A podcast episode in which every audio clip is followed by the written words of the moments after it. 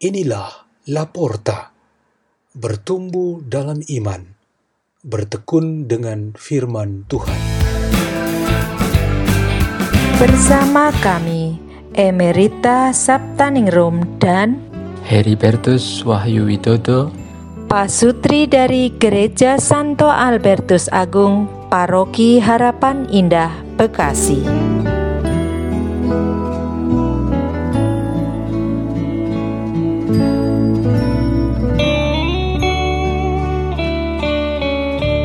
Bacaan dan Renungan Sabda Tuhan Senin dalam Minggu Prapaskah pertama 22 Februari 2021 Pesta Tahta Santo Petrus Rasul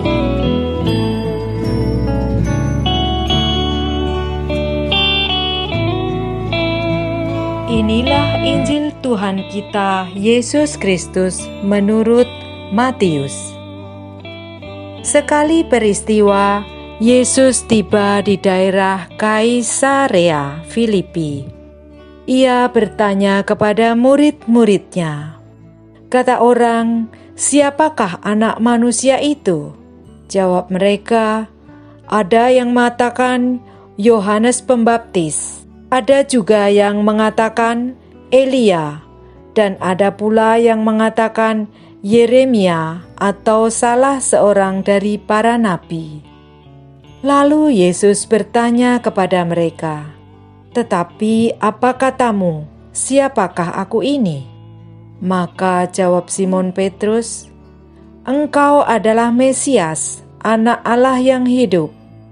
Kata Yesus kepadanya, "Berbahagialah engkau, Simon bin Yunus, sebab bukan manusia yang menyatakan itu kepadamu, melainkan Bapakku yang di surga."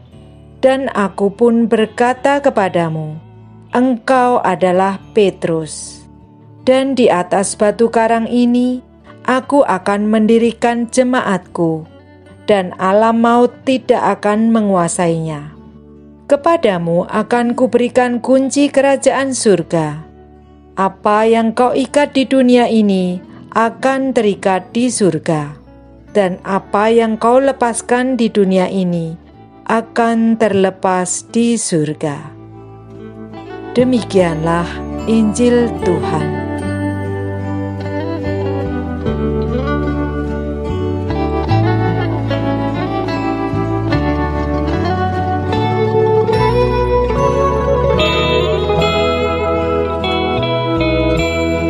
Renungan pada hari ini bertema bergantung pada tukang.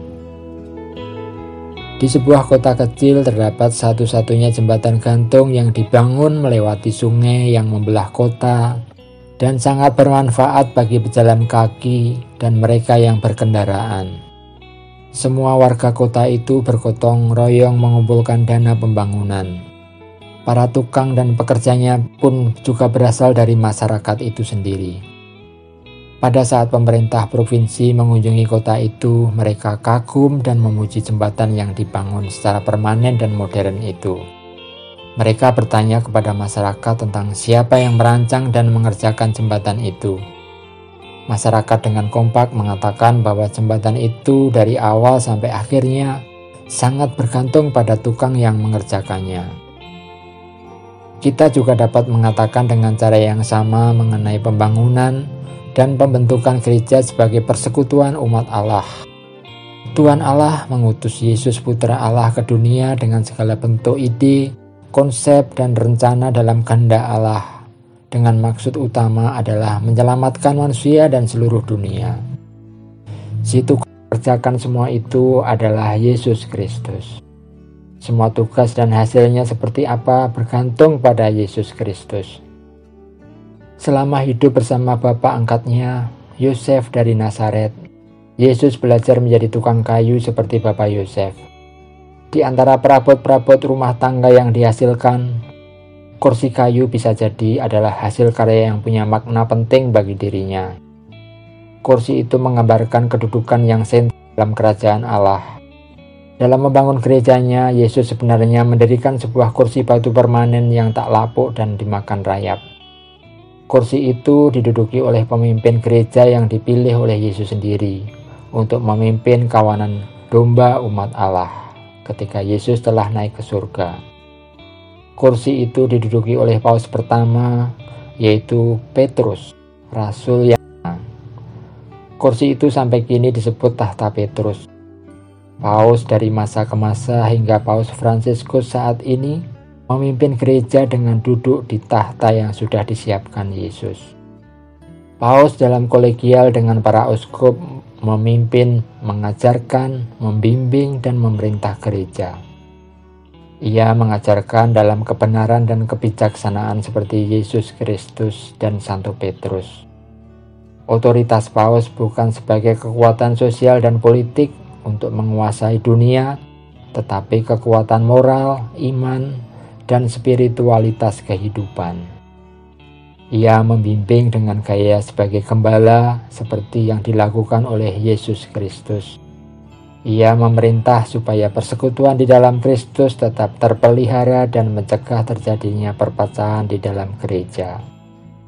Hari ini kita semua diminta berdoa kepada Bapa suci kita, Paus Fransiskus. Marilah kita berdoa. Dalam nama Bapa, Putra, dan Roh Kudus. Amin.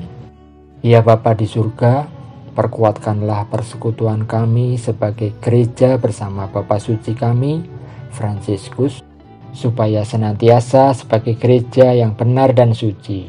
Bapa kami yang ada di surga, dimuliakanlah namamu, datanglah kerajaanmu, jadilah kehendakmu di atas bumi seperti dalam surga. Berilah kami rezeki pada hari ini, dan ampunilah kesalahan kami, seperti kami pun mengampuni yang bersalah kepada kami. Janganlah masukkan kami ke dalam pencobaan, tetapi bebaskanlah kami dari yang jahat. Amin. Dalam nama Bapa, Putra, dan Roh Kudus. Amin. La porta. La porta.